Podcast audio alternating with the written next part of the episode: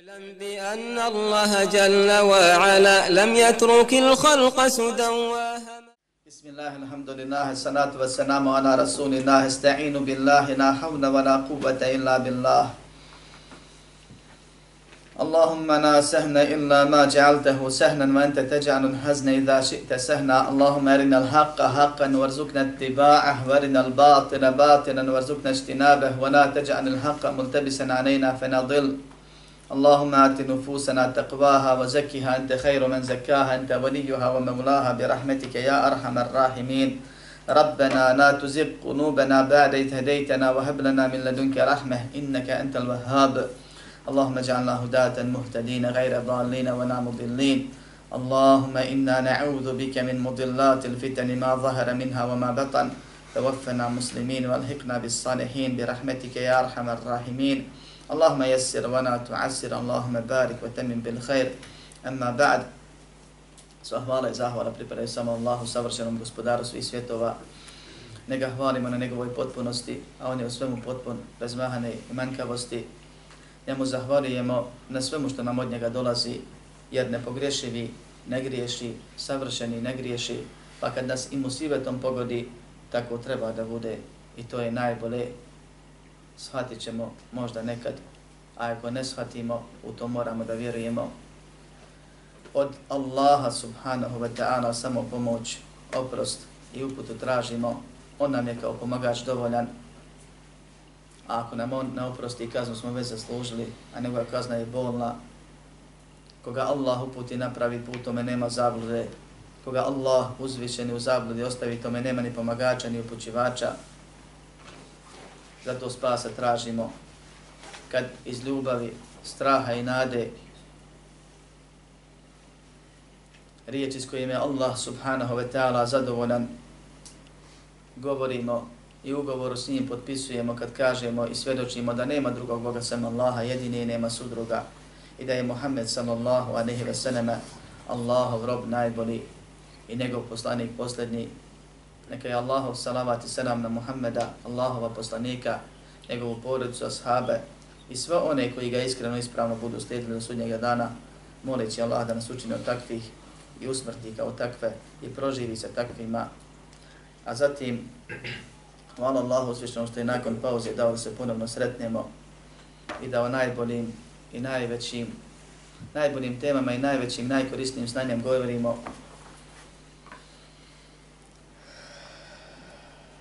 Tema je kako povećati iman, kako povećati vjerovanje, uzrok povećanja vjerovanja, načini za povećanje imana. I nazovite kako hoćete, govorili smo o tome šta je vjerovanje kod ahli sunneta, govorili smo o tome šta je vjerovanje kod novotarskih sekti po pitanju imana koji su pogriješili. Spominjali smo dokaze da se iman povećava i smanjuje, da se povećava pokornošću, a smanjuje nepokornošću ili samim nečinjenim pokornosti. Spominjali smo i dokaz upravo za ovaj detalj jer je bitan mnogi koji, se, koji su na ehli sunnetske akide zanemaruju tu stvar, a to je da kad god se vap ne činiš, tvoj se iman umanjuje, makar ne griješio, samo manje u odnosu na griješenje. I kad god sjediš i umjesto tapkaša neko drugi radi dobra djela, u odnosu na njih ti zaostaješ i tvoj iman manji. Braćo moja, jačina imana nam je prijeko potrebna na ovom i na onom svijetu iman, kao što kaže Ibn Qayyim rahimahullah, ostavlja svjetlo u srcu ili trag i utjecaj u srcu. On ga poredi sa svjetlom. To svjetlo se nužno mora otičitovati na riječi i na dijela onoga koji ih izgovara i djeluje. Svako ko ima iman, ima i svjetlo. Sprem jačine imana, a neki sad jaka su i svjetla. Ta svjetla se prenose na riječi i djela, a manifestuje se na ovom svijetu uticajem tih riječi i tih dijela na ostalo. Zavisi kakva su. Pa čovjek za jedno te isto dijelo može da dobije nagradu deset puta, deset sevapa, 70 sevapa, 700 sevapa i više od toga kaže poslanik sallallahu alejhi. Čovjek sa jednom pomoći ili sadakom može da pomogne jednog insana ili više insana. Može da pomogne ili uradi ono što je naumio i da se time zadrži nagrada ili da se da bude pokretač nečega što se odmota kasnije pa da mu na ahiretu se budu ili prikažu se nagrade o kojima on nije mogao ni sanjati. A svoje on pokrenuo tim činom prvim. On je mislio nešto uraditi. A kad je to uradio, ono je proizvelo drugih stvari korisnih i za sve što nastane tim njegovim uzrokom, bit će nagrađen. To je to svjetlo koji se pokazuje. Svi mi pričamo, sebi i drugima. Svi mi razmišljamo, svi mi slušamo i učimo i čitamo. Hvala Allahu uzvišenom. Jedne te iste informacije, riječi, savjete, upozorenja, nekoliko puta čujemo. Od različitih ljudi. Pa se desi moment da neko kaže pa te po komunja pogodi. Pa te natjera da konačno počneš po tome da radiš. I drugi su tu rečenicu govorili. Ali nisu uspjeli da pokrenu u tebi ništa. To je Allahova blagodat koju daje kome hoće, kad hoće i koliko hoće. Nije uvijek trajna. Sprem je čine imana i svjetla imana u srcu. Insan sretnije živi što više, jače i bolje vjeruje. Rahatluk u duši osjeća. Osjeća okus imana i to ne neki okus, nego slast kao što je došlo u hadisu. A u slatkom čovjek uživa. I što se više iman smanjuje, ta slast se gubi i nestaje i svako svjetlo, ako se dovoljno smani, može da se ugasi. Pa čovjek ne do Allah može da ostane bez vjere nakon što je vjeri bio. Može da se svojim stopama vrati to Allah uzviše ne ashabe upozorava. A mi smo preći dan se poziva i upozorava za to. Napad je najbolja odbrana uvijek. Onaj ko se trudi da ojača svoj iman, Allah mu zulum neće učiniti, Allah će ga pomoći. Svakome je olakšan ono za što je stvoren. To je prva stvar. Druga stvar, on radi suprotno onome čega se najviše boji. Jer pravi vjernik boji se da se vrati u nevjerstvo kao se boji da bude bačen u vatru. Takvi su osjetili slast imana. I on teži ka povećanju i što više teži ka povećanju siguran je od gašenja. A ne može niko konstantno da poveća iman bez da mu se umanji. Iman se svakom od nas umanji. Kad prestanemo raditi dobra djela, automatski počne polako na nazaduje, a pošto nismo meleci, nego smo insani, grešnici, kad god uradimo manji ili veći grijeh, onda se još više se umanjuje. I iman istovremeno može kod čovjeka da se umanjuje i povećava shodno tome što radiš. Jer iman ima svoje ogranke. I iman je u srcu, iman je na riječima, iman je na dijelima i u dijelima. I naučili smo da je iman ubjeđenje, riječi dijelo ili djelovanje srcem, jezikom i dijelima koji se povećava pokornošću, smanje nepokornošću. I zato se ljudi razlikujemo baš svi po stepenu jačini imana. Jer se iman povećava sa mnogo aspekata i tako smanjuje. Sa aspekta znanja, koliko si čuo, koliko znaš, koliko je do tebe doprlo. Sa aspekta objeđenja, koliko su objeđene one stvari koje znaš, sa aspekta greška šaka iz neznanja. Ljudi mogu da negiraju neku stvar od vjere, a da ne izađu iz vjere. Ali neće biti za to nagrađen sigurno. Što? Zato što ne zna da je ona od vjere. A čovjek negira nešto. A bio bi obavezan da to prihvati i u to vjeruje. I da se tu ubijeti, pa bi mu se iman više struko povećao. Pa nije on isti kao onaj ko zna taj propis i u njega vjeruje. S aspekta toga čime si obavezan u datom momentu. Da li si obavezan ili nisi neku stvar. Koliko znaš stvari kojima si se obavezan. Koliko se toga držiš. Koliko si ubijeđen u to. koliko si iskren kad nešto radiš i mnogo, mnogo drugih stvari. Nećemo vas time opterećivati jer je tema sama po sebi praktična, puno bitnija od ovih stvari. Želim samo reći znači da se iman sa mnogo različitih aspekata povećava, odnosno umanjuje i da ljudi se razlikuju po tome koliko su obavezani, koliko znaju šta su obavezani, kad žive, koliko toga vjeruju, koliko su ubijeđeni, jer ubijeđenje nije isto, nije isto vidjeti, čut. Nije isto čuti od povjerenog, povjerljivog i od nekog koga nemaš povjerenje, pa možda jeste, možda nije, i tako dalje, i tako dalje. Sve to utiče na, na dijela srca, zatim na dijela jezika i tijela koja prate srce. I srce je glavno, i srce je glavni organ. Ako je dobar, dobro je sve ostalo, kao što je došlo u hadisu. Ako je pokvaren, sve ostalo je pokvareno. I zato ćemo, ako Bog da kroz praktične stvari, odnosno načine, vidjeti da ono što mi mislimo, kad, ili što nam prvo naumpadne, kad kažemo povećava se pokornosti, pokornošću ili dobrim dijelima, ili dobrim, ili činjenjem dobra, kao što spominju učenjaci definicijama, a smanjuje griješenjem, kao što neki kažu, ili nepokornošću, to jest nečinjenjem pokornosti, kao što je ispravnije, ono što nam prvo naumpadne, da je to posljednja stvar kojom se iman povećava, je najslabija stvar. A to su praktično rađenje dobrih dijela. Nije to samo pokornost. Nismo mi ti, time samo obavezani. To je plod našeg stabla kojeg se iman zove. Koji se iman zove. Kojeg je Allah u Kur'anu nazvao imanom. Kad kaže lijepa riječ, riječ je ko lijepo drvo. Drvo imana. Ima korijen. Ima stablo ima grane, ima plodove lišće koji ga ukrašavaju. Naravno, mi sadimo drva voćke, na primjer, radi plodova. Ali nećeš da biti plod ako nema sve ovo ostalo. I ovo je bitno. I bitnije. Jer plod kad ubereš, nema ga više. Sve dok ponovno istog drveta ne nastane novi plod. I nastaje će novi plod sve dok je drvo u redu. A kad drvo posjećeš jednom, Bez obzira koliko si ubrao s njega plodova, nećeš više ubrati ništa. Čovjek treba da shvati i da se bavi korisnim i bitnim, jačim stvarima iz kojih će kasnije proizaći kvalitetni plodovi i brojni plodovi koji se zovu praktična dobra djela.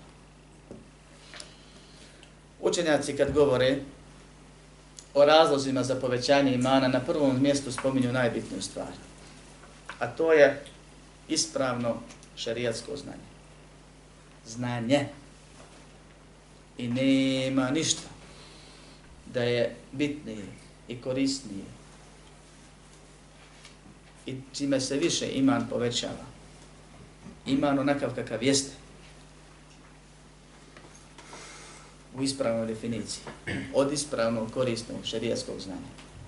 I zbog toga je Allah subhanahu wa ta'ala uzdigao učene nad onima koji to nisu I zbog toga Allah subhanahu wa ta'ala u Kur'anu spominje stvari i posebno se obraća i uzdiže psa i spominje ga da je bio s onima ili psa podučenog izuzima odnosno na one druge koji nisu podučeni lovu, na primjer, i tako dalje, a kamo li insana? I zbog toga je poslanik sallallahu alaihi wa sallam rekao men seneke tariqan il tenisu fihe ilmen sehe Allahu lahu bihi tariqan il dženne ko bude krenuo putem traži će time znanje, Allah će mu olakšati put ka džennetu. Znanje ko znanje i ova prva tačka zaista seminar zaslužuje, ne ders, a mi ćemo mu dati jedan dio dersa. Jer ovdje je cilj samo da skupimo informacije osnovne, da napravimo sebi program i kasnije da krenemo ako Bog da u primjenu koristići i držati se tvrsto za one stvari koji su bitnije, jače i korisnije, a zatim ostale će same nadoći ako Bog da. Jer očigledno je da radimo naopako i zato imamo i rezultate naopake sprem naših dijela. Dobra dijela su nam cilj najčešće. I kad kažemo dobra dijela, mislimo na ono praktično. A nijedno dobro dijelo nije ispravno, nije primljeno kod Allah ako nije iskreno ispravno. Da bi bio iskren, moraš naučiti šta je iskreno, moraš imati znanje o iskrenosti da bi bio ispravan, moraš da uraditi onako kako je poslanik sallallahu alaihi ve sellem uradio, a to ne dolazi u snu, nego Boga mi najavi kad se dobro ugrije stolica i uči, sluša i čita. Pa da bi uradio dobro djelo, bilo kako moraš znati kako se radi. Zašto se radi? Kad je dobro, kad nije, kad je propisan u kojem vremenu, koliko, kome, zašto. I zato je znanje uvijek prije riječi i djela. Znanje, braćo moja, povećava ima na nekoliko načina. I to po sljedećem redoslijedu. Najbolje znanje, jer je prva stvar koju učenjaci spominju, a nije najjača, ali ima svoj razlog, jer ona temelj i osnova svih znanja. Svo, svih nauka koje vode ka džennetu. Kažu islamski učenjaci, učenje Kur'ana s njegovim razmišljanjem. Čitanje Kur'ana razmišljajući njegovom značenju. Sljedeća tačka je puno bitnija i jača. I govorit ćemo o njoj ako Bog da detaljnije. Ali ta tačka proizilazi iz Kur'ana jer je Allah to znanje spomenuo u Kur'anu. Kao i svako drugo znanje. Kur'an je, braćo moja, objava najbolja. Pismo od Allaha subhanahu wa ta'ala zadnjem umetu i to svakom pojedincu među njima. Muškarcu i ženi, džinu ili insanu. Allah ti poslao pismo 604 stranice u onom shafu kojeg mi najčešće imamo. I u njemu je presovano šerijasko znanje. Svaki ders kojeg čujete, svaka knjiga u islamu koja je napisana od početka do kraja i do sudnji dana koja bude napisana. Sve je to tumačenje nečeg iz Kur'ana. Svaki hadis kojeg je Allah subhanahu wa ta'ala nadahnuo, objavio poslaniku Muhammedu sallallahu sallam, pa nam on prenio i 23 godine njegovog sallallahu aleyhi ve sellem života su samo tumačenje Kur'ana. I zato se Kur'an spomine na prvom mjestu, iako je to jedna od praktičnih stvari. Kaže kučenje Kur'ana uz razmišljanje o njegovim poukama. To podrazumijeva najmanje tri, odnosno četiri stvari.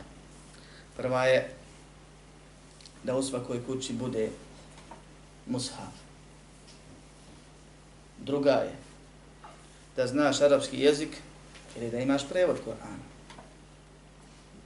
Treća je da mu izdvajaš vrijeme svaki dan čitajući ne radi čitanja, a samo čitanje i baditi se vab. Kada čitao radi čitanja, imaš se vabe. Ali to je nije ova stvar. To nije znanje gospoda ono zadnje praktično djela. Nego da razmišljaš o tim, o tim stvarima, što onome ko ne zna arapski, obavezuje ga da ima i da čita tefsir Kur'ana. Je samo ono šturo napisano što se zove prevodom, znači na bilo koji jezik nije dovoljno, kao i sam arapski tekst. Kažem da je u Kur'anu presovano znanje. I četvrta stvar bez koje nećeš stvarati ništa. Je rad onome što Allah u Kur'anu kaže, pitajte učenja ako ne znate. Onaj ko bude čitao Kur'an svaki dan, onaj ko bude razmišljao bar malo o nekom ajetu koji mu zapadne za oko, a bilo bi lijepo da svaku stranicu fila analizira, polako. Podako treba smanji količinu onoga što čita, a poveća razmišljanje. Onaj ko to bude radio, naći će na mnoge negativnosti prvo bi trebao da potraži u tefsiru, da čita zajedno komentar Korana, da nabavi naravno čit, prije svega toga. Svaka knjiga koju imate u kući je manje vredno od tefsira Kur'ana. Dobio si pismo od Boga. Ne razumiješ ga, šta trebaš sad? Zatvoriti i zamotati u peškir? Ili traži sebi dermana, traži sebi lijeka? Poruka ti se tiče, tebi je poslan. I četvrta stvar, sve što ti nije jasno, sve što ti nije logično, s tako izrazio Sve što ti je novo, a bit će toga puno. Pa ti nekako se ne slaže sa onim što si negdje čuo. Pitaj učene ako ne znaš. Idi i slušaj. Sjedenje na dersu je praktični primjer ovo, primjene ovoga. O čemu se govori. I musliman ne bi trebao da živi bez dersa, barem jednom sedmično. I da ima nekoga koga zna i kojeg on znajući se znanje uvjerio, da ga smije pitat i da ga može nazvat i da ga ima priliku nakon dersa kad je otvoreno pitat. Da se može s njim posavjetovati. Neće te ne savjetovat onaj ko te ne zna kao onaj ko te zna. Nikad. Bez obzira koliko količinu znanja ima. A neće te upoznat onaj ko te ne viđa. Pred kim ne sjediš redovno. Isti savjet traži, isti problem imaš, ali Boga mi je puno korisnije kad insan zna i zna pozadinu svega toga i zna kakav si i zna tvoje slabe tačke, pa ti onda da lijek sprem tvog stanja, a ne samo sprem bolesti. A lijeka smo potrebni svi vjerati. I zato je bitno da insan znači prisustuje tim stvarima kako bi razumio poruku od Boga. Jer mi to radimo. U Kur'anu je znanje o Allahu i znanje o ljudima i znanje o razlozima našeg stvaranja i znanje o tome gdje idemo i šta nas čeka. Znanje o nagradi i kazni. Znanje o tome kako postići nagradu i kako izbjeći kaznu. Znanje o tome kako su prošli oni koji su radili ispravno i kako će na onom svijetu proći i kako su prošli oni koji su odbili i kako će na onom svijetu proći pa da vidiš gdje da se usmjeriš, u koju skupinu da odeš, odnosno kojoj da se pridružiš. I sve je to ono što se zove šerijaskim znanjem kompletno. Znanje obavezama ljudi prema Allahu subhanahu wa ta'ala. Neke stvari su direktno, neke indirektno spomenute. Neke stvari su detaljno objašnjene, neke samo u kratkim crtama pa su kasnije u hadisima i ugovorima učenjaka razrađene i detaljno pojašnjene. Poslanik sa zem nije umro, a da nije vjeru cijelu pojasnio. Allah subhanahu wa ta'ala se zakleo u Kur'ana će tu vjeru čuvati. Dakle, i mushaf i sunet poslanike sa zem. Allah subhanahu wa ta'ala odabrao nasljednike, nasljednike poslanika i one koji od njih uče i one koji prenosi. I tako se znanje čuva. I tako se znanje dostavlja. I tako se znanje primjenjuje. Jer ne možeš primijeniti nešto što ne znaš. A ne možeš znati ako nisi učio. Slušao, pitao, čitao. I zato učenjaci spominju Kur'an kao osnovu, a iz ove stvari, braćo moja, prozilazi sve drugo. Što se zove učenje vjere. Ili slušanje o vjeri.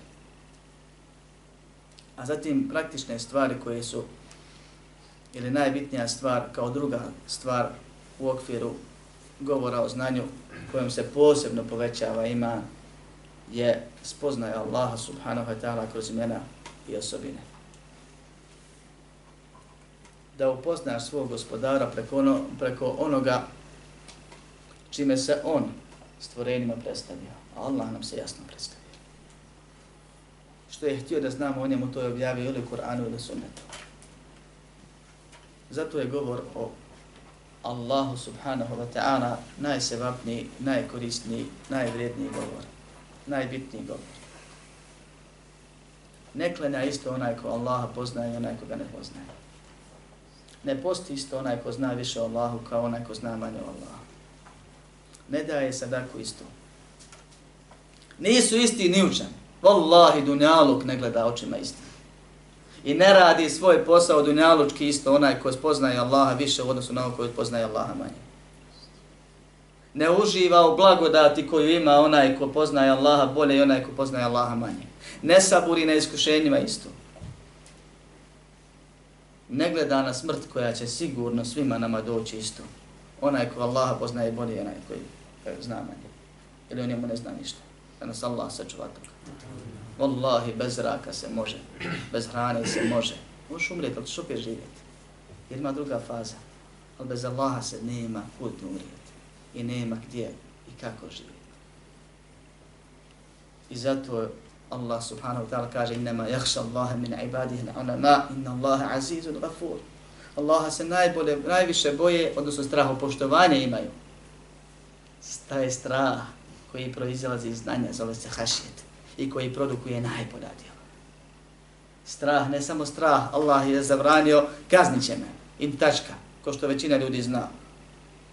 Ako da znaš ko je taj koji ti je zabranio i kakve on osobine ima i kako on zna da se rasrdi i šta tebe slijedi ako se rasrdi još sad dok si živ i kakav je osjećaj klanjat i molit se gospodaru koji je na tebe srdit i šta te čeka na onom svijetu i kakvu on milost posjeduje i koliko je on darežljiv i koliko je on strpljiv i kako se obhodi prema stvorenima i kako on i kakve spletke postavlja i kako ljude navlači kad hoće da ih kazni i kako ih osramoti na ovom svijetu i kako ih kažnjava na onom svijetu i kako ti daje i povećava zbog svakog dobro koji su činje i mnoge, mnoge druge stvari.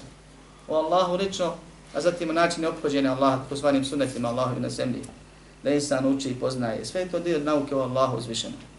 Pa ćeš onda da ga voliš, pa ćeš onda da ga veličaš, pa ćeš onda da se poniziš kako treba, pa ćeš onda da žurno radiš ono što je naredio. I da žurno ostavljaš ono što je zabranio. I da ne žališ što te prošlo nešto od harama.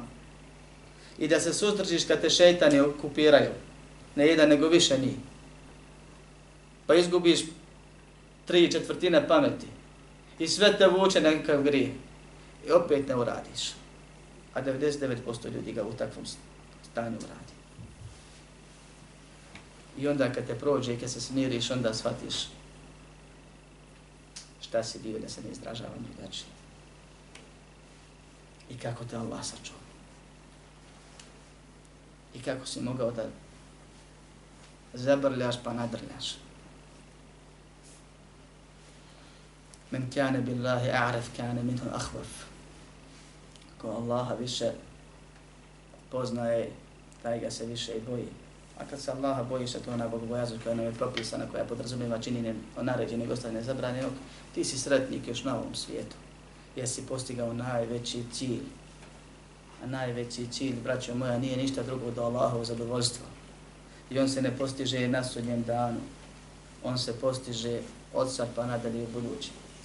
Ako je Allah danas s tobom zadovoljan i sutra i do kraja života sigurno će biti s tobom zadovoljan u kaboru pa ćete počastiti ko nikog i na sudnjem danu pa ćete zaštititi od svakog belaja i počastiti kad su svi u belaju i uvešite u džennet među prvima i na najveće stepene, a sučuvat ćete od dva, tri. Prije i kasnije. A ako čekaš, hoće li Allah s tobom biti zadovoljan tamo, to nije više čekanje od to čekanje milosti. Osuđenik na nešto čeka milost, a ne bi bio osuđenik da nije pogriješio pa toliko griješio da su ga uhvatili, pa ga osudili, pa dokaze pre, pred njim iznijeli. Nije to neka greška usputna, nego je baš na drlju. Pa onda čeka, hoće mu se smilovati, ili će ga kazniti. I ta će se Allah mnogima smilovati, ali će mnoge kazniti da nemamo garancije šta će s nas biti. Zato se Allahu zadovoljstvo traži. I to stavno treba pred očima da bude cilj a to se neće postići ako ne poznaješ Allaha subhanahu wa ta'ala, pa ćeš se osloniti na neku od njegovih osobina, ne znajući da Allah ima puno više osobina s kojima, koje, koje direktno utiču na, na kosmos čitav, pa i na ljude i čine. I preko njih se obhodi sa stvorenjima, pa nećeš dati prednosti nekoj stvari i nećeš sebi dopustiti da ti ta stvar bude uzrok zavođenja na ovom svijetu,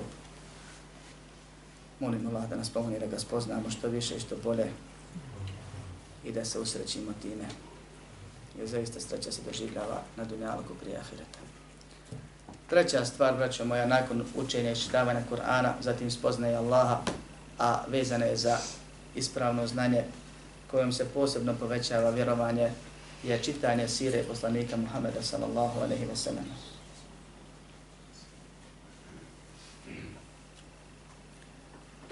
da čitaš ili slušaš onome s kim je Allah zadovoljan.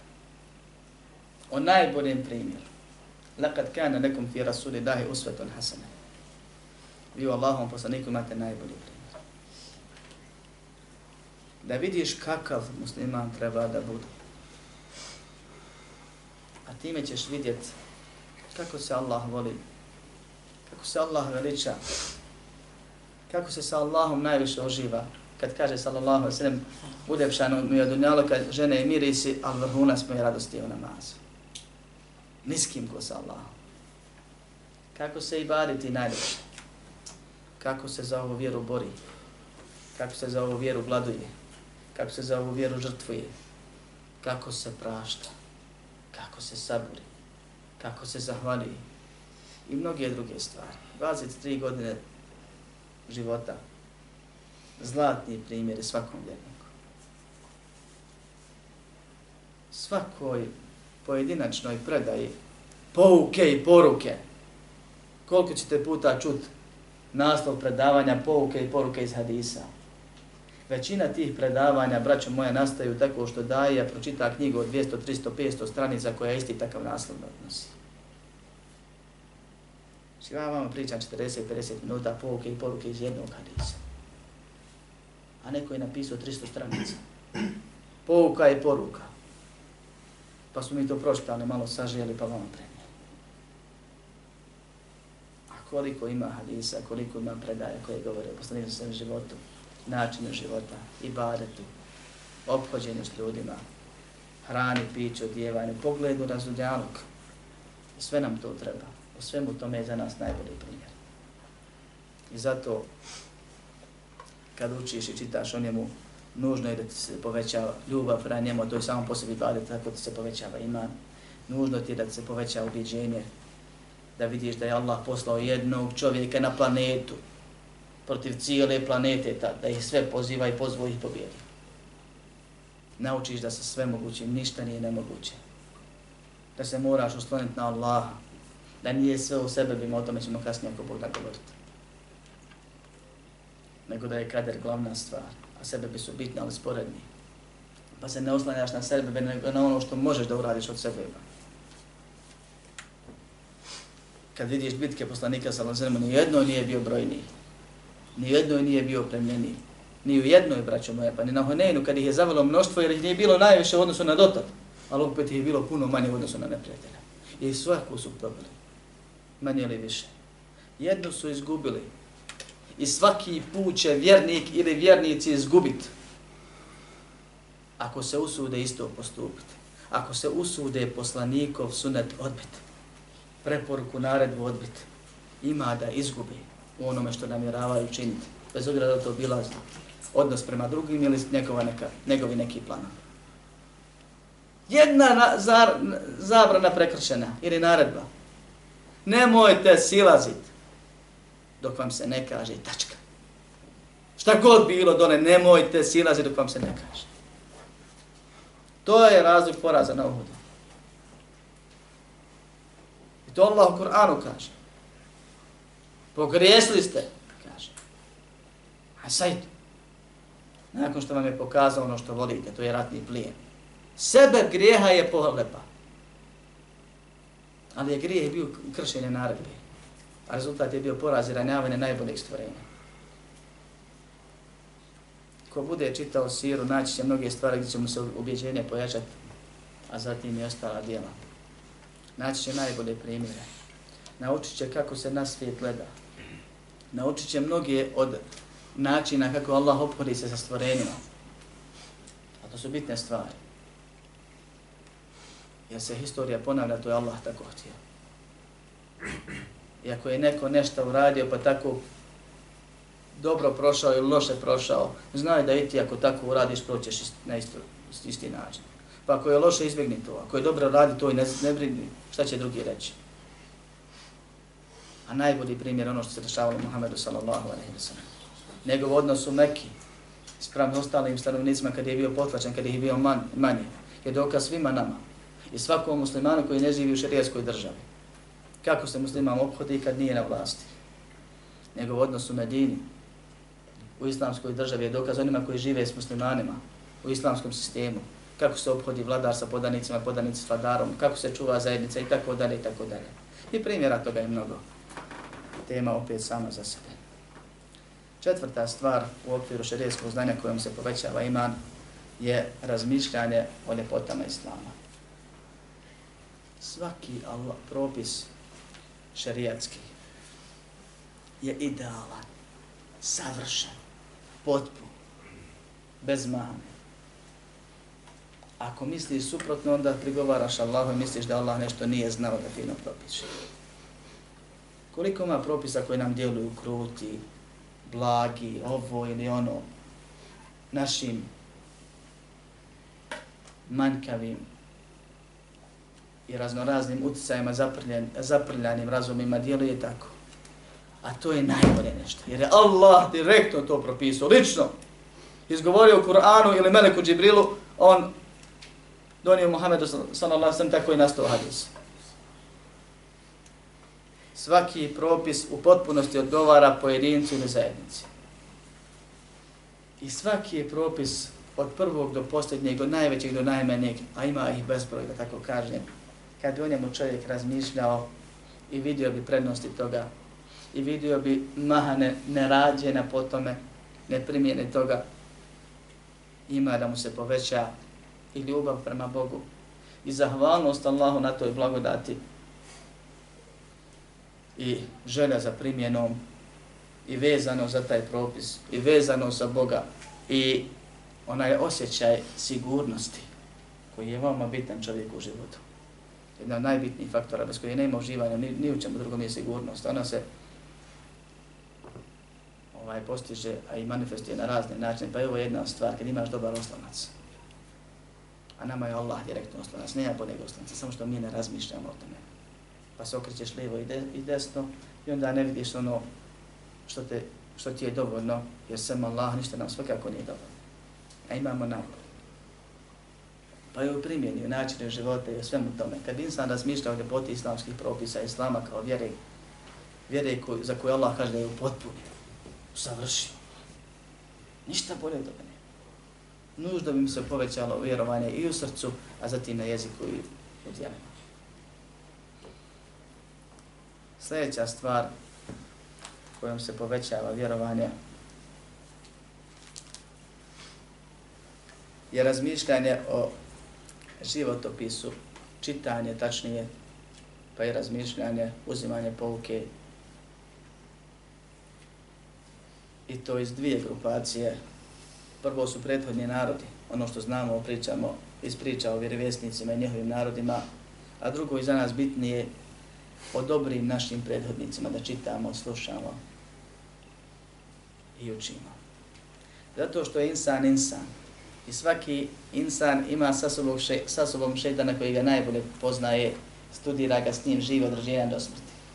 Pored drugih koji nalete ponekad pa pomognu u tomu. I insan sa svojim šetanom stalno vodi dijaloge. I on mu bacuje misli, zna kakav je, kako razmišlja. Pa kad spomeneš ibadete meleka, i to Allah spominje kao razlog i odgovor mušnicima kad kažu mušnici zašto nije poslao meleka, Allah im odgovara da im odgovara najbolje, da im najbolje odgovara čovjek, jedan od njih. Onda im sam kaže, ba to su meleci, mogu oni. Allah poslao čovjeka, probro jednog od nas, otkrvi od mesa, jede, pije, sve ostale potrebe ima. Krije se, pancire stavlja, bori se. I tako dalje, i tako dalje. Da nam bude primjer. I onda šeki šapne i kaže, a to je poslanik lako, njemu možda i ko poslanik. E, ima ljudi koji se ugledali na najbolji primjer, pa su, ni su meleci, ni su poslanici, ljudi koji ja i ti, I nisu svi bili učenjaci, ko što nismo svi mi učenjaci. Nego je bio onaj onom, onaj onome, bili su naši dobri predotnici. I kad čitamo o tim ljudima, I vidimo kako im je Allah subhanahu wa ta'ala dao taufika da mogu za kratko vrijeme da urade ogromna djela. I vidimo uzročno posljedniču vezu u tome svemu. Ko su im bili roditelji? Ko su im bili odgajatelji? koji im je usadio te velike ambicije, kako su odrastali, kako su planirali, kako su nešto uradili da jedan insan za umet čitav napravi uslugu ogromnu zbog kojega spominju stoljećima kasnije. Vidjet ćemo isto tako ono što je najbitnije. Da su to ljudi koji su se shvatili svoju ulogu da obavezu s jedne strane. Velike ambicije imali, isplanirali, I ono najbitnije, žrtvovali se. Pa su uradili nešto što države nisu mogli. Ima ih koliko hoćete. Ima ih koliko hoćete. I zato kad insan čita o prethodnicima, mora da se motiviše, mora da mu se objeđenje poveća, mora da se s njima suosjeća o nekim stvarima, da sebe u tome pronađe, pa da popravi neke stvari Može i da vidi greške koje su napravili pa da ih izbjegne. Da ne ide istim putem, ono što su učinaci spominju kao greške historičari i tako dalje. I tako. Ovdje se može spomenuti primjera puno, ja sam već skoro potrošio vrijeme za predavanje, na pola sam od teme. Spomenut ću vam dva kratka primjera, ukratko. Nakon Ebu Bekra, kojem je Allah dao odlučnost da sam zaštiti vjeru, Allah subhanahu wa ta'ala je nadahnuo imama Ahmeda ibn Hanbala da zaštiti vjeru od iskrivljenja. Kad je glava odlazila, ako nećeš poslušati vladara kojeg su novotari izmijenili, skrivili, pa je narod na kufr pozivao, Imam Ahmed je znao da tu ne smije popustiti. Pa je stao. I žrtvovao. Zajedno sa nekolicinom učinaka od koji su neki preselili, neki ubijeni. Imam Ahmed je bio najutjecaniji tad. I kao što njegovi učenici kažu da je on popustio, svi bi mi zapisali, svi bi mi govorili drugačije. Vjerali bi se za njema. Umet bi govorio da je Kur'an stvoren, to je kufr. A vladar, halifa je taj tjerao ljude na to. I naravno nije mogao natjerati, promijeniti ubjeđenje ljudi ako ne promijeni ubjeđenje u lenje. Pa je neki uspio da zastraši, neki su svakako bili na tom putu. Mogao je neke i podniti, ako što uvijek bude. Neki su stali i nisu htjeli da, da mijenjaju. Pa je zbog bitnosti te stvari prije nego što je uspio da utiče i da naredi, jer znao je da tu nema naređivanja, to je Božije. I tu ga ne smije niko poslušati. A kamo li da mora ispipavaju teren, pa je zaslao zaslanike, pa je to bila situacija kakva je bila. Na kraju ima Mahmed je priveden, mučen, ali popustio nije. Nakon što je izašao i nije ništa promijenio, ni umet svoje vjerovanje nije promijenio. Dio učinak je uzeo za olakšicu, kad ide glava, smije reći riječi kufra, pa su govorili, ali kad je došlo do njega, on je znao da nema više, on nema pravo na olakšicu. Jer ako on kaže, niko više ostao nije. I kad budeš doveden u takvu situaciju, onda ćeš reći istinu. Jer bolje je vjera nego dunjalog. Da se sačuva. Život traje nakon ovog svijeta. Čuvo ga, ne čuvo, valja tići. Imam Ahmed je izdržao, pa ga je Allah uzdigao i imama učinio prvako. I zahvalio zahvaljujem učenjaci, to će rad do sudnjeg dana na tome. Imam Ahmed nakon zatvora i nakon mučenja stavlja biva u kućni pritvor dugo vremena. U svemu tome mu jednog dana kuca na vrata, otvara Imam Ahmed i vidi prosjaka u droncima. Kaže mu, onako naški, što bi mi rekli, gdje si mene našao? Vidiš kako za stanje. Kada ja sam Beqije ibn Mahled, došao sam iz Endelusa čak, uglavnom pješke, da učim vjeru od tebe. A dok je on prošao nekoliko mjeseci ili godina koliko me je trebalo iz Španije do Bagdada, to se stvari izdešavale, nije znao šta će. On je došao da uči, da ide na des. Došao i čuo da imamo pritvor i to kućno. Pa kaže, ja nisam prosjak, nego ne vidim drugog načina da ovako, ja ću tebi dolazi svaki dan, a ti men daj po jednu informaciju, po jedan hadis. Pa je dugi niz mjeseci ili čak godina, ne znam tačno koliko, čovjek istog dana pored policije prolazio koja ga je čuvala i kucao na vratima i svi ga vrijeđali i smijavali mu se što bi uziriš mama čovjeka u kućnom pritvoru, gdje ideš od njih, prosi što si brezobrazan i tako dalje. Što komšije misle o njima. Pretvarao se da je prosjak sramotio sebe Allaha radi i učio od imama kad niko od njega učin, ni, učit nije mogao. Taj čovjek je napisao najveći musnet koji nema ravnog. Zato čovjeka kažu kad se vrati u Endalus da ispune Endalus hadisima. I mnoge druge stvari. To je jedini čovjek nakon što je Allah oslobodio i zamijenio i uzeo sebi tog halifu i imama uzdigao i kad su ga hiljade ljudi slušale, to je jedini čovjek zbog koji imam ders prekinuo, otkazao i pokupio svu tu svitu u posjetu njemu. Među hiljadama ljudi imam pita gdje je Beqije da počne ders. Pa kada ima počne. Jednog ga nije bilo gdje, kaže bolestan, kaže idemo mi njega obići. I zamisli kad hiljade ljudi dođu na vrata to obiđu ti bolestan. Kaže, nakon toga nisu me, kaže, prestali častit, ugađat mi zbog te posjede, kaže on, zato što mi imam došao na vrata. Allah uzrežeš na ovom svijetu, ali zbog žrtve, kaže Čovjek je ponizio sebe, Allah radi pa ga Allah uzdigo i nego spomeni ostao i ostaće. I koristi koje su učinio su nemjerljive našim dunjavaškim razonima. Samo Allah zna koliko će ga nagraditi, koliko je hajro uradio za svoju državu i za svoju pokrajinu, plus gdje god se našao usput. I njegova znanja se dan danas prenosi i širi. Mi nismo u stanju da za godinu. Mi hoćemo jakog imana da budemo, da nas fitne ne pokosi, a fitne kako sudnji, sudnji dan približava sve su jače i jače. A ne možemo klip da pregledamo kod kući. Mi nismo u stanju svesku za drz da imamo. Evo vidite koliko vas je donijelo sveske. Ebu Hurere kaže, nikome ne zavidim ko što zavidim Abdullah ibn Amr ibn Asu.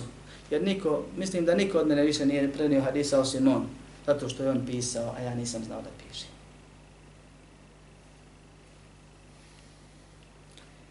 Mi hoćemo u džennet, a poslanik sallallahu se nam kaže Allahova roba skupa, Allahova roba je skupa, Allahova roba je džennet. Ako na dunjalu ko možete jeftim parama kupi skupe stvari, onda se spravo nadajemo džennetu. Ako bezvredni dunjaluk kod Allaha totalno bezvredan, a za nas nešto vrijednije odnosno na ono drugo, moraš protuvrijednost veliku ulož da bi dobio. Kako misliš vječni dženet dobit? Bez žrtve, bez ubjeđenja, bez poniznosti rada Allah, bez ustrajnosti, bez žrtvovanja svega što na tom putu treba. A nećeš se žrtvovati ako ovdje jako nije. I zato učit u Allahu i o poslaniku, i o učenjacima, i o pobožnjacima, i o velikanima, kako bi se insan motivisao i ugledao na nje. Nakon ove stvari, učenjaci spominju ostale nauke kojima se postižu koristi raznorazne ljudima i kojima se postiže i povećava objeđenje jer se kroz njih uče kosmički zakoni, a to je svakako sljedeća tačka. Ovim završavamo priču samo o znanju. Druga stvar kojom se povećava ima nakon znanja je razmišljanje o Allahovim stvorenjima i o Allahovom stvaranju. Gledanje u nebo je ibadet sam po sebi sa razmišljanjem. I to je sunet Muhammeda sallallahu alaihi sallam. Da čovjek nekad i danju, a nekad noću baci pogled malo i samo razmisli ono malo što vidi. A gore iznad toga ima svega. Puno više. Da baci pogled na planinu, ispunjenu brdima. Pa zamisliš da zumiraš brdo, šumovito, pa jedno drvo, a svi znamo šta je drvo. I koliko samo nacija i generacija živi na tom drvu. I živjela je. Na drvu, na drvetu, od mrava, insekata raznorazni, gore, dole, ispod njega u zemlji, na granama gnijezda i slične stvari, plodovi. Pa probaj postaviti zumira, kad se dobro napuniš razmišljajući o drvetu i onome što je na njemu i oko njega i kako ga Allah hrani i poji i kako raste i kako ostari pa se osuši pa posjećeno bude ili samo istrohne i padne kao što ćemo imi jednog dana. Pouke i porke. Pa pogledaj malo to okolinu njegovu. Pa to brdo. Pa tu planinu pa zašto je Allah stvorio? Da zbog nije zemljotresa nema stalno. Radi nas. Kako će Allah jednog dana pokrenuti Pa jedno od druge, od drugu sasut. Pa uprah pretvoriti. I zemlju izravnati. Razmisli onome što je bilo, onome što je sad i onome što će biti. Morati se objeđenje povećati. I sve to Allah stvore zbog tebe. Da bi tebe iskušao i nagradio u džennet, osim ako sam ne budeš htio. Da bi tebi služilo na ovom svijetu, da ti koristi. Morati se povećati ljubav i zahvalnost prema Allahu subhanahu wa ta'ala, to su ibadeti za sebe posebno. Svaki od njih, koliko se poveća, toliko se imam poveća. Moraš spoznat dio veličine Allaha subhanahu wa ta'ala kad vidiš koliko su velika njegova stvorenja, sunce, nebo. A on ih upravlja kako hoće, ne mogu maknuti bez njega. Mora se povećati poniznost. I tako dalje, i tako dalje. Razmišljaj. Allah ti pamet dao za to. Razmišljaj inna fi halqi samavati wal ardi wa ihtinafi al-layli wan nahari la ayatin li ulil albab zaista u stvari nebesa i zemlje, smjeni dana i noći su znakovi, dokazi, ne jedan. Za one koji pamet imaju. A niko od nas neće reći da nije, jel tako ne? Pametan je onaj koga to razmišljanje natira da bude ono što dalje Allah spomeni. Alladine jezkuruna Allaha qiyaman wa qu'udan wa ala junubihim koji spominju Allaha sjedeći, stojeći na bokovima, i razmišljaju i onda kažu Rabbena ma khalaqta hada batila gospodar nisi ovo džaba stvorio, uzalo stvorio, ima razlog. Pa onda razmišljaš svom razlogu. Zašto živiš? Kuda odlaziš? Šta te čeka? Pa onda primjeniš to. I Allahovo zadovoljstvo ostatku života tražiš, pa ćeš da dobiješ i uživaš. Uživat ćeš sad do smrti dok to uganjaš, dok tražiš Allahovo zadovoljstvo, dok Allahu ugađaš, makar protiv sebe i svojih protjeva i uživat ćeš na onom svijetu kad bude najpotrebnije. Nakon što se naučimo, napojimo znanjem šarijaskim kroz Kur'an, kroz poznaju Allaha, učenja akide, kroz siru, kroz ostale stvari i što popunimo određene dijelove u našim srcima, srcima i praznine koje se ne mogu popuniti osim razmišljanjem o Allahovim stvorenjima, sad smo spremni da djelujemo. Tek sad dolazi dijela. I to ne djela ona koja nama na um padaju, pregibanje, davanje i tako dalje. Prvo ovdje mora da djeluje. Mora da proradi. Pa će se onda pokazati na tijelo.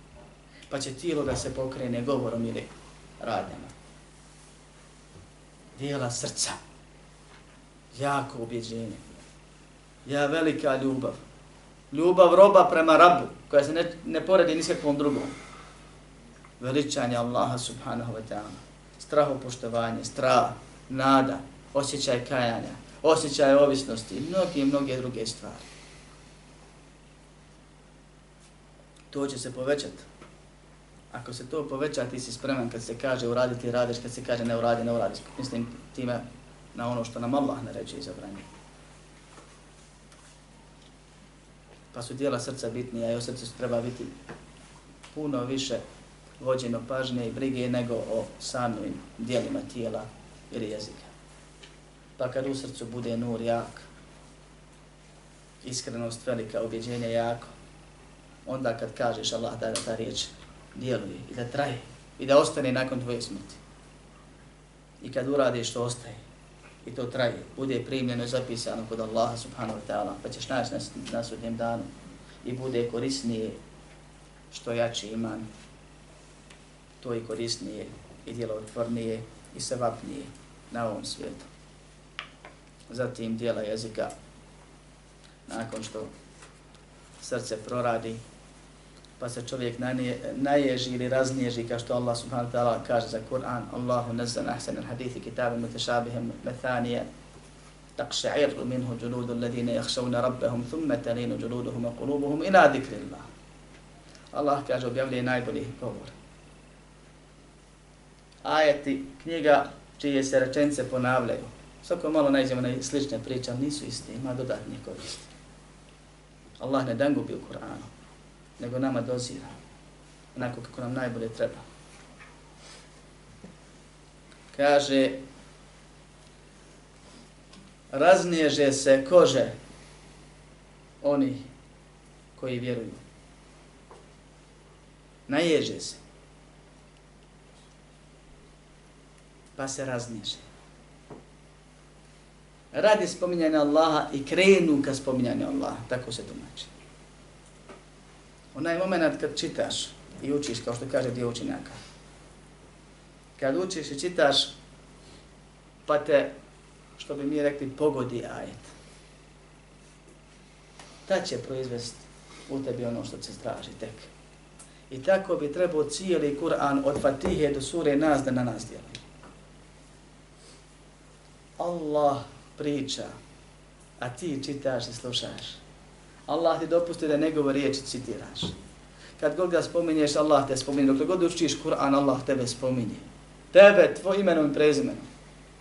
Najbolje poruke koje možeš pročitati ikad, tu su.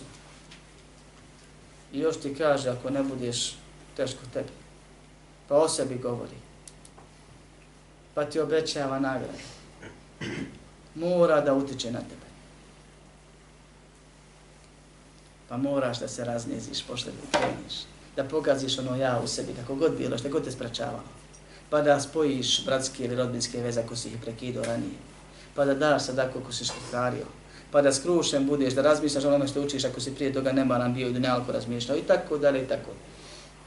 Tek onda dolazi na naplatu. I onda dođe insan i kaže, nemam kada naučim sufaru. I sve ovo se zabranio. I sve ovo se zabranio. Imaš ljude koji se hvale kako su bratska djeca, kako su odrasli, ostarili, umrli na asfaltu, a nikad u nebo nije pogledao. Nikad nije pogledao pogledom razmišljanja, makar u taj asfalt.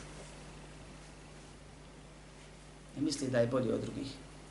Prvo oholo je, a to je strogo zabranjeno, a drugo propastio sebi život hausu, ali tu haušta isto ti dođe, ako si vidiš ko hajvan. A mnogi se tako postavljaju. Jedu, piju i pomno opće i to im je život. I onda dođe i kaže, ja sam djete sa asfalta. Ovi se račići ovako i nako govori. Allah sačuva. Pogledaš lijevo, pogledaš desno, trči za dunjalukom, niti je naučio vjeru, nema kad ne drs, niti je pogledao u život, u ljude, kako su prošli oni koji su trčali koji on sad što trči, šta su postigli, šta su iza se ostali i šta od toga imaju sad koristi. Niti je se okoristio od poruka jer nema kad mnogi sufaro da nauči, nema kad mnogi teđvid da nauči, nema kad da čita, nema kad tefsir da gleda, naders da dođe i tako dalje. Ljudi, ako se iko nađe u ovome, nek zna da nisam njega imenom prezimom ciljao, nego sam ga ciljao osobinom. Njega sam ciljao. Slobodno nek se ljuti. Jer ja ovo ne govorim da bi nekog riječio. Nego da bih postako. Doći ćete na sudnji dan svi i ja s vama. I pitaće Allah svakoga imene i vas za ono što smo pogriješili, je li iko bio da te opomene? I svi ćemo reći da jeste. Jer je Allah svakom postao način tokom života. Nemojmo sebi dozvoliti da zapadnemo u takvo stanje. Nemojmo sebi dozvoliti da nakon godinu, dvije, pet, deset napredovanja uvjeri makar postepeno polako, a mogli smo brže da smo htjeli, prva fitna koja najđe nas pokosi. Pa nas odvede u sektu, a neki izvjeri odvede, izvede. Hvala Allahu uzvišenom. Za ovih 20 godina na sunetu svašta sam se nagledao. I vallahi nisam siguran. Nimalo za sebe. I najpreća doba koju mogu Allah putiti da me sačuva, da mi poveća uputu i da me usmrti na istinu. Čovjek dvije godine u islamu nije se otrežnio kako treba još uvijek. Svakom živom pametuje. U sva što se petlja. U svačiji nije sumnja. Onda ga vidiš još dvije godine stagnira i na igli završi. Bez namaza. Razočara se prvo u vjeru, pa u dunjaluk i ode Allahu vječno. A u džennet sigurno neće. Zatim idu dijela tijela, namaz, po zekija, sve ostale stvari. Kad su u pitanju dijela, braćo moja, Allah uzvišen u hadizu kod siju kaže najbolje čini se može čovjek približiti su farzovi. Ono što sam mu naredio. Tako da je naredba uvijek jača i korisnija od ostalih stvari i. I nemojmo sebi dozvoliti da ustrajavamo na nekim pohvalnim stvarima, a da zapostavljamo obavezni. poredajmo stvari po prioritetima, ako ne znamo, naučimo, jer svakako znanje prije riječi tijela slijedi. Postoje zatim tri sebeba koji su posebno jaki i koriste u povećanju vjerovanja i ustrajnosti na pravom putu. Prvi i najjači među njima je uzimanje učešća u pozivanju Allahu vjeru. Rekao sam na početku da je napad najbolja odbrana i da čovjek što više teži ka povećanju, toliko je sigurn, siguran od gašenja, a zatim osmanjivanja imana. Učenjaci kažu za islam da je takav ako ga ne širiš, pobjegne od tebe. I ode nekome ko će ga cijeniti, širiti, za njih se žrtvovati. Manje ili više pominje o tome, nekad ti skroz napusti da Allah sačuva, nekad se odvjere ostane samo čahura, koja podrazumijeva da ćeš se dobro okisaliti u džahenemu prije nego uđe to vidiš. A grozne oboravište.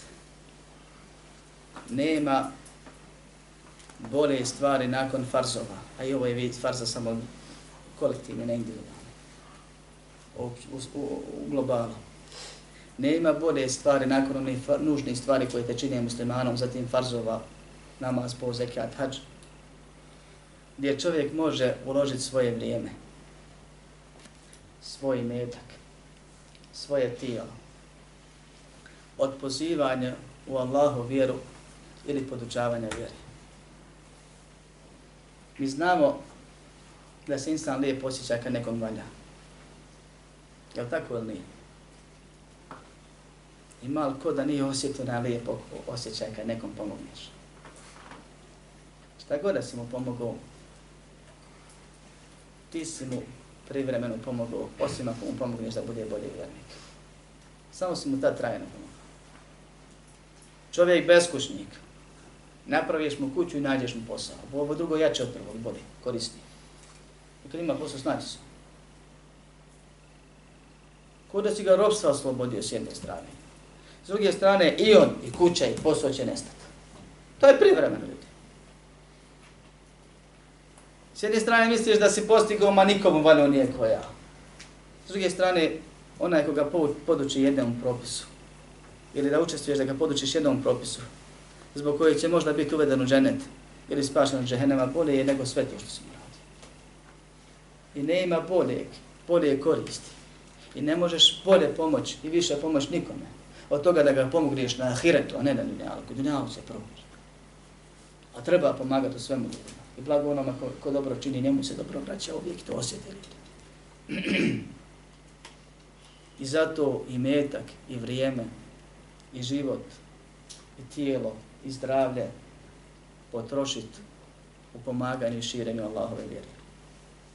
Pomoć nekome da se sačuva izla, iz, izbavi iz džehennema. Ne možeš mu valjati ničim.